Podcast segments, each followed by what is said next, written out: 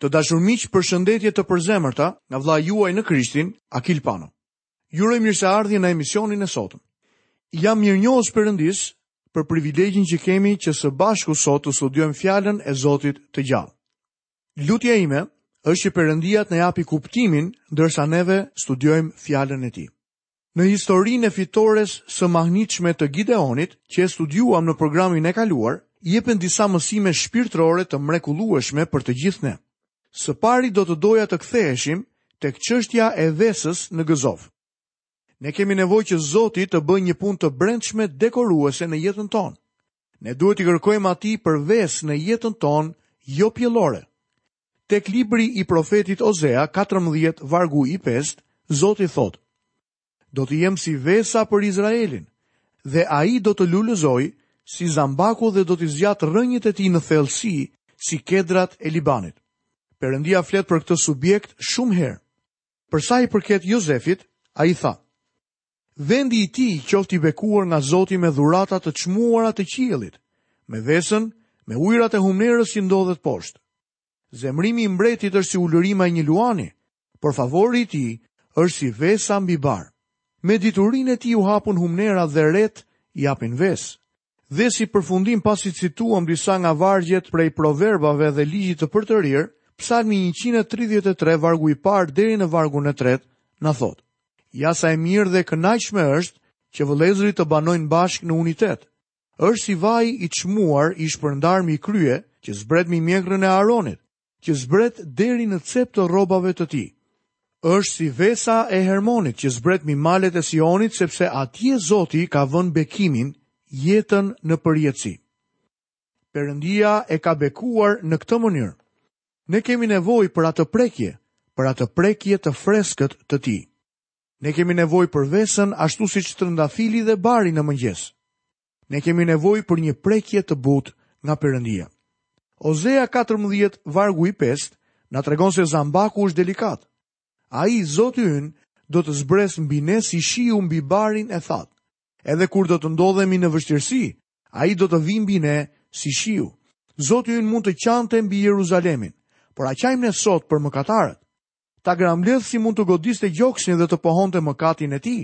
Por çfarë po bëjmë ne sot? Ne kemi nevojë për një prekje nga Zoti që do të na bëjë të qëndrueshëm, do të na forcojë dhe do të na themelojë. O sa e mirë do të ishte sikur të thonim si psalmisti, Zemra ime është e prirur mirë, o Perëndi. Zemra ime është e prirur mirë. Unë do të këndoj dhe do të lëvdoj. Ne kemi nevojë për vesën e Zotit që t'i sjellë pastërti jetëve tona. Apostulli Pjetër në letrën e tij të dytë, kapitulli i tretë vargu i katërmbëdhjetë, na tregon. Prandaj shumë të dashur duke i pritur këto gjëra, përpiquni të jeni përpara tij të papërlyer dhe të paqortueshëm në paqe. Ja se çfarë kemi nevojë sot. Perëndia përdor vetëm një enë të pastër. Pjetri gjithashtu tha, Sepse është shkruar, jini të shenjtë, sepse unë jam i shenjtë. Perëndia na thotë, duke i pasur këto mendime o të dashur, le ta pastrojmë veten nga çdo ndotje e mishit dhe e frymës dhe ta përfundojmë shenjtërimin tonë në druajtjen e Perëndisë. Tani le të shohim një tjetër mësim shpirtëror në lidhje me shtambat. Apostulli Pal tek 2 Korintasit 4:7 thotë: "Dhe ne kemi këtë thesar në enë prej balte, Ato enë prej balte përfaqësonin trupat e besimtarëve. Pikërisht këtë gjë ka pasur ndër mend dhe apostulli kur tha, O vëllezër, po ju bëj thirrje nëpërmjet dhembshurisë së Perëndisë, ta paraqitni trupin tuaj si fli të gjallë, të shenjtëruar, të pëlqyer tek Perëndia, që është shërbesa juaj e mençur. Kapitulli i tetë i librit të gjyqtarëve do të shohim që është një vazhdim i regjistrimit të Gideonit gjyqtarit. Këtu do të gjeni ngjarje që ndodhën pas çlirimit të jashtëzakonshëm që Zoti i dha Gideonit mbi madianitët. Bijtë e Izraelit janë sërish të lirë dhe si rezultat po begatojnë. Zebahu dhe Salmunai, mbretërit madianitë, u ndoqën dhe u vranë. Izraelitët u bekuan për herë të parë pas një kohe shumë të gjatë dhe janë mirënjohës Gideonit për çfarë ka bërë dhe duan që ai të mbretërojë mbi ta. Lexojmë nga vargu i 22 i kapitullit të 8 në librin e gjyqtarëve. Atëherë burrat e Izraelit i thanë Gideonit, mbretëro mbi ne, ti, biri yt dhe biri i birit tënd, sepse na ke çliruar nga sundimi i Madianit. Ky është rrëfimi i parë në shkrime, ku na thuhet se bijtë e Izraelit kërkojnë një mbret që të sundojë mbi ta, Perëndia u kishte thënë që në fillim se ai nuk donte që ata të kishin një mbret si kombet e tjera rreth tyre, por për shkak se Gideoni i çliroi nga skllavëria, ata donin që të pranonte pozitën e mbretit. Me sa duket, ai është i pari që iu ofrua një pozitë e lartë dhe e kundërshtoi. Më vonë do të zbulojmë se Izraeli kërkon sërish për një mbret. Në fakt ata insistojnë në kërkesën për të patur një mbret. Atëherë Perëndia i thotë Samuelit, i cili është gjyqtari i fundit dhe i pari në radhën e profetëve, që ai do të vajosë një mbret për ta. Perëndia e bëri të qartë se Izraeli nuk po refuzonte Samuelin, por vetë Zotin. Perëndia dëshironte të mbretëronte mbi popullin e tij. Forma e qeverisjes për Izraelin duhet të ishte teokracia. Në këtë rast, Perëndia e përdori Gideonin fuqishëm, por Izraeli kërkonte që Gideoni të mbretëronte mbi ta. Ata jo vetëm që kërkonin të mbretëronte Gideoni, por edhe biri i tij dhe biri i birit të tij gjithashtu. Kjo do të thotë se po kërkonin një mbret si gjithë kombet e tjera. Vini re, përgjigjen e bukur që i dha Gideoni popullit. Lexojmë në vargun e 23. Gideoni kishte nxjerr një mësim. Nuk kishte asnjë dyshim për këtë. Ky djalë i ri që shinte grurë me shtrydhësen e rrushit, kishte kuptuar se nuk ishte gjë tjetër veçse një frikacak. Ai e dinte që Zoti i kishte dhënë atij fitoren. E dinte që nuk kishte forcë në vetvete për ta fituar betejën, por e kuptoi se Zoti e kishte ngritur atë për këtë qëllim. Gideoni ishte një person i jashtëzakonshëm. Ai përmendet tek Hebrenjtë kapitulli i 11 ku renditen heronjtë e besimit. Në fakt, ai është në krye të listës së gjyqtarëve. Ai është gjithashtu edhe përpara Davidit në këtë listë. Dhe ç'të them më, sepse nuk do të më mjaftonte koha, po të doja të tregoja për Gideonin, Barakun, Samsonin, Jeftin, Davidin, Samuelin dhe për profetët të cilët me anë të fesë nënshtruan mbretërira, realizuan drejtësinë, arritën ato që u premtuan, ua zunë grykën luanëve, fikën fuqinë e zjarrit, shpëtuan nga tehu i shpatës, nga të dobët u bënë të fuqishëm, u bënë të fortë në betejë, thyen ushtritë e huaja, vijon shkruesi i Hebrenjve në kapitullin e njëmbëdhjetë të këtij libri. Autori i Hebrenjve thotë se nuk do të mjaftonte koha të tregonte për këta njerëz, midis tyre edhe Gideonin. Perëndia e ngriti Gideonin për të kryer një detyrë të jashtëzakonshme. Kjo na mëson se çdo burrë ose grua që përdoret nga Perëndia, duhet të përdoret sipas kushteve të Zotit.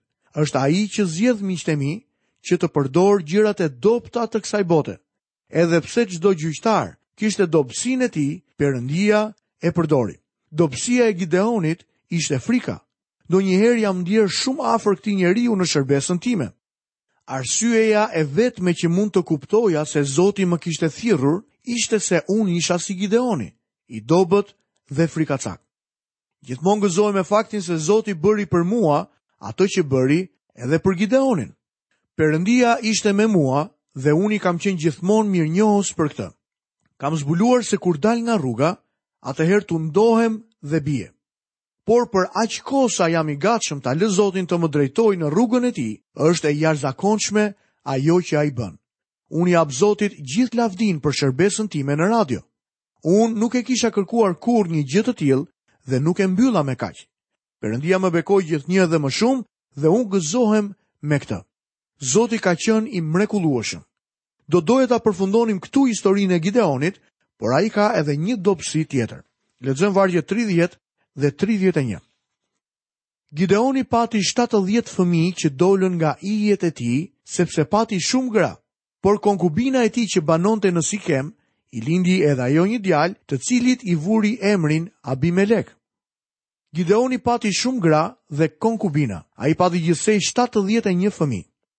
Kjo është me të vërtetë një njollë në jetën e këtij njeriu.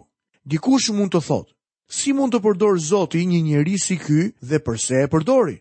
Gideoni u martua me këto gra dhe pati këta fëmijë pas betejës. Por çështja është se Perëndia e përdori pavarësisht prej kësaj. Perëndia nuk e aprovoi veprimin e tij apo mënyrën e tij të të jetuarit.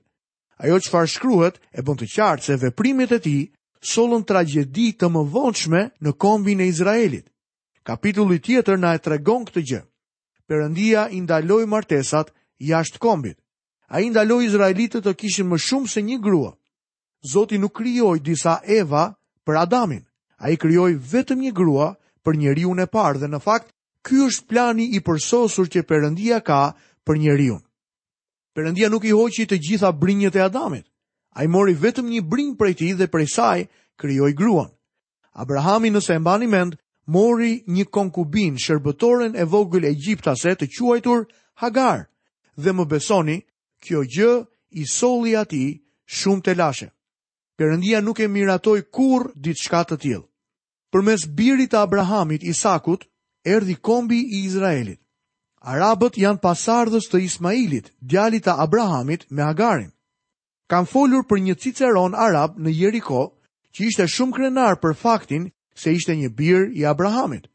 Ai ishte musliman dhe me krenari tha, Unë jam një bir i Abrahamit përmes Ismailit. Kjo është e vërtetë. Mirëpo ky ishte mëkati i Abrahamit dhe Perëndia nuk e bekoi kurrë. Perëndia nuk i bekoi veprimet e Solomonit. Tani dalim tek biri i Davidit në këtë drejtim dhe Perëndia nuk do të bekojë as veprimet e Gideonit. Perëndia në asnjë vend në Bibël nuk mbështet as bekon poligaminë. Në fakt, veprimet e Gideonit ndanë mbretërinë dhe shkaktuan tragjedinë e vërtetë. Kjo është njolla në jetën e tij. Perëndia nuk fsheh asgjë. Perëndia e paraqet pamjen e këtij njeriu ashtu siç është. Nëse një mik i Gideonit do të kishte qenë autori i një biografie për të, Ai me shumë mundësi do ta kishte hequr këtë pjesë të jetës së tij nga historia, por Zoti nuk veproi kështu. Ai e përshkruan njerëzimin me të gjitha ngjyrat, duke përfshirë këtu dhe ato që janë të zbehta. Le të shohim dhe lexojmë në kapitullin e nëntë në librin e Gjyqtarëve nga vargu i parë deri në vargun e tretë. Pastaj Gideoni, bir i Joashit, vdiq në pleqëri të mbarë dhe u varros në varrin e Joashit të atit të tij, në Ofrah të abizeritëve. Pas vdekjes së Gideonit, bijtë e Izraelit filluan përsëri të kurvërohen përpara Balit dhe zgjodhën Baal-Berithin si zot të tyre. Bijtë e Izraelit nuk u kujtuan fare për Zotin, Perëndinë e tyre që i kishte çliruar nga të gjithë armiqtë që i rrethonin dhe nuk u treguan fare mirënjohës ndaj shtëpisë së Jeroboalit, domethënë të Gideonit, për gjithë ato të mira që i kishte bërë Izraelit. Është e njëjta histori e vjetër, apo jo? Rrethrrotullimi i historisë vazhdon njëlloj si edhe sot. Në fillim ata ishin një komb që i shërbenin Zotit. Pastaj bënë të këqija, braktisën Zotin, u kthyen tek Bali dhe Zoti i dorëzoi në skllavëri. Ata i klithën Zotit, u penduan dhe Perëndia ngriti një gjyqtar për t'i çliruar. Dhe ja ku përfundoi sërish Izraeli edhe pas fitoreve përmes Gideonit. Me të vdekur Gideoni, bijtë e Izraelit i kthyen shpinën Zotit dhe filluan të kurvëronin përsëri përpara Balit. Kjo është historia e trishtueshme, e neveritshme e Izraelit dhe gjithashtu historia e kishës së sotme. Këto luhatje, ulje dhe ngritje janë historia e kombeve, kishave dhe individëve të ndryshëm. Në ditët e sotme shumë prej nesh po vijmë vërdallë rreth kësaj bote. Një ditë jemi lart dhe ditën tjetër poshtë. Perëndia nuk ka patur kurrë si qëllim që jeta jonë shpirtërore të jetë e tillë. Këtu përfunduam studimin e kapitullit të tetë dhe tani do të shohim dhe do të shqyrtojmë çështjen e kapitullit të nëntë. Tema e këtij kapitulli është braktisja e pestë dhe Abimeleku përgjegjës për luftën civile. Ky kapitull regjistron historinë e Abimelekut, djalit të mëkatshëm dhe të ligë të Gideonit dhe konkubinës së tij. Gideoni nuk duhet të kishte pasur një konkubinë. Kjo gjë i solli shumë telashe këtij kombi. Abimeleku, bir i Jeruboalit, shkoi në Sikem te vëllezërit e nënës së tij dhe foli me ta dhe me gjithë familjen e atit të nënës së tij duke thënë, U thoni gjithë banorëve të Sikemit, ç'është më e mirë për ju që të gjithë shtatëdhjetë bijtë e Jeruboalit të mbretërojnë mbi ju apo të mbretërojë mbi ju vetëm një. Dhe mos harroni që unë rrjedh nga kocka dhe mishi juaj, Vëllezërit e nënës së tij i përhapën këto fjalë tërë banorëve të Sikemit dhe zemra e tyre anoi në dobi të Abimelekut sepse thanë, është vëllai ynë. Ky djalë, Abimeleku pra, ishte shumë ambicioz. Ai kishte dëgjuar që kombi donte që Gideoni të bëhej mbreti i tyre. Meqenëse ishte djali i Gideonit, donte të bëhej mbret. kështu që shkon tek njerëzit e nënës së tij që ndodheshin në Sikem dhe u thotë që ta ndjekin. Lexojmë vargun e 5. Pastaj ai shkoi në shtëpinë e atit të tij në Ofra dhe vrau mbi po atë gur vëllezërit e tij, të 70 bijtë e Jerubualit. Por Jothami, biri më i vogël i Jerubualit, shpëtoi sepse ishte fshehur. Me sa duket Abimeleku ishte një njeri i lig dhe brutal. Ai bëri një vepër makabre, vrau të tërë vëllezërit e tij, përveç më të voglit. Disa shpjegues të Biblës e konsiderojnë Abimelekun si gjyqtar. Ai mund të ketë qenë një gjyqtar të paktën thuhet se mbretëroi 3 vjet mbi Izraelin. Doktor James McGray shkroi: Mbretërimi pushtues i Abimelekut, vëllavrasja, nuk numërohet si gjyqësi. Ai vrau në mënyrë brutale shtatëdhjetë bijtë e Gideonit dhe shpalli veten mbret. Mendoj se mbretëria e tij e dështuar zbulon të vërtetën e deklaratës në librin e Danielit. Shumë i Larti sundon mbi mbretërinë e njerëzve, Ai ia jep atij që dëshiron dhe larton mbi të të keqin e të këqinjve. Madje edhe sot, kur një person i mirë vjen në pushtet, shumë njerëz thonë, Perëndia e vendosi atë njeri. Po për sa i përket pushtetarëve të këqinj, Perëndia i lejon ata që të vijnë në pushtet. A e dini pse? Sepse principi është çdo popull meriton qeverinë e vet. Kjo do të thotë që njerëzit kanë pushtetarët që meritojnë. Izraelitët e donin këtë djalë. Ata donin që Abimeleku të sundonte mbi ta dhe morën njeriun që meritonin. Miqtë e mi, nëse do të shohim në botën reale sot, do të zbulojmë se ky princip është ende i vërtetë. Shohim se Zoti e gjykon Abimelekun për veprën e tmerrshme që bëri dhe banorët e Sikemit që e bënë mbret. Lufta civile shpërtheu për shkak se kishte shumë njerëz që nuk e donin Abimelekun. Lexojmë nga vargu 52 deri në vargun e 57. Kështu Abimeleku arriti në këmbët e kalasë dhe e sulmoi. Iu afrua pastaj portës së kalasë për t'i vënë flakën. Por një grua hodhi poshtë pjesën e sipërme të një mokre mbi kokën e Abimelekut dhe i theu kafkën. Ai thirri menjëherë të riun që i mbante armët dhe i tha, Nxjerre shpatën dhe më vrit që të mos thonë e vrau një grua. Kështu i riu e shpoi tejembanë dhe ai vdiq. Kur izraelitët panë që Abimeleku kishte vdekur, secili u kthye në shtëpinë e tij. Kështu Perëndia ia shkarkoi Abimelekut të keqen që kishte bërë kundër Atit të tij, duke vrarë shtatëdhjetë vëllezërit e tij. Perëndia bëri që të binte mbi kokën e banorëve të Sikemit tërë e keqja e bërë. Kështu kundër tyre u realizua mallkimi i Jothamit, birit të Jerubualit. Ky ishte fundi i trishtueshëm i jetës së Gideonit, babait të këtij djali të paligjshëm, Abimelekut. Perëndia e ngriti Gideonin nga një pozitë e përulur për të qenë çliruesi dhe gjyqtari i popullit të tij. Sa keq që një njeri që bëri kaq shumë të mira e lejoi këtë gjë në jetën e tij. Ai lejoi mëkatin në jetën e tij. Ai lejoi që të martohej me shumë gra dhe pasoja e këtij mëkati ishte shkatërrimi i tërë familjes së tij, i cili solli pasoja gjithashtu mbi mbarë Izraelin. Kjo gjë nuk u aprovua nga Zoti dhe si rezultat në Izrael filloi lufta civile. Të dashur miq, është me të vërtetë e tmerrshme të shohësh se çfarë pasojash të mëdha sjell mëkati në jetën e një individi dhe si rrjedhojë në jetën e një familje apo të një kombi. Lutem që Perëndia të sjellë dritë në fjalën e tij ndërsa mendojmë mbi të.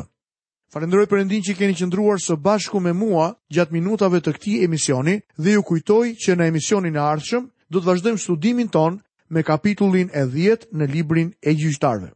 Deri atëherë, nga vëllai juaj në Krishtin Akil Pano, paçi të gjitha bekimet e Perëndisë dhe paqen e tij në jetën tuaj. Bashkë mirudëgjofshim në emisionin e ardhshëm.